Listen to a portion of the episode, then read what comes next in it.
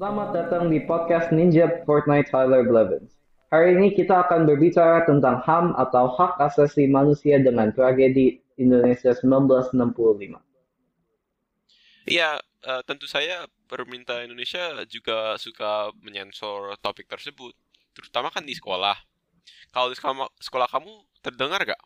Tidak, ibu dan ayah saya adalah orang-orang yang memberitahukan informasi tentang tragedi. Ya, kalau kamu?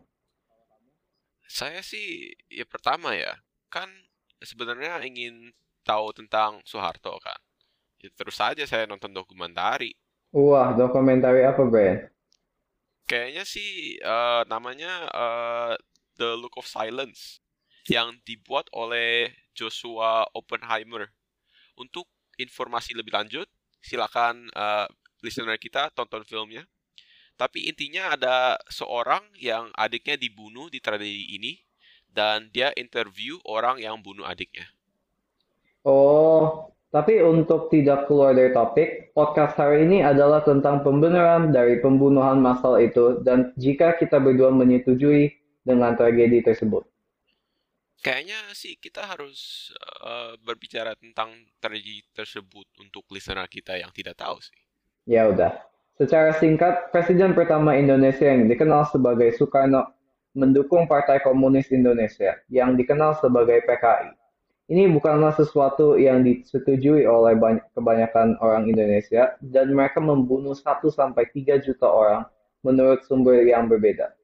Setelah acara ini, presiden kedua muncul yang memulai 30 tahun masa kepresidensinya. Eh, kamu pernah lihat dokumen declassified dari Amerika gak? Kan karena period Cold War ini kan, Amerika ingin memperkecilkan penyebaran komunis. Jadi mereka secara langsung mempengaruhi pembunuhan dan jelas kebangkitannya kekuasaan Soeharto. Oh, tragedi mengerikan ini menyebabkan banyak kemarahan yang memicu era rasisme dan hukum yang tidak manusiawi bagi ras lain. Saya telah mendengar cerita di mana sekolah Cina ditutup karena fakta ini dan merupakan kegagalan total dalam sejarah Indonesia.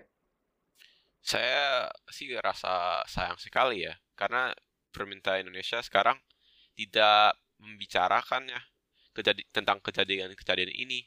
Dan orang seperti Anwar Kongo yang membunuh kira-kira uh, seribu orang tidak ke penjara tapi di interview di RCTI dan diperlakukannya sebagai pahlawan.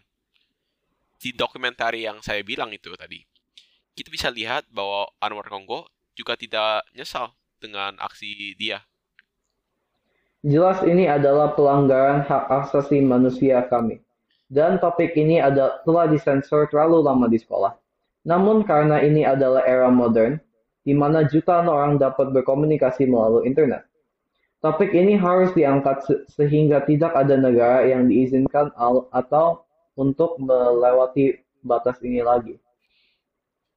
Ya, dalam kesimpulannya lah, kalau pemerintah Indonesia tidak ingin diskusi tentang topik tersebut, kami sebagai orang Indonesia uh, memiliki suara untuk didengarkan bagi semua yang menderita di dalam tragedi ini.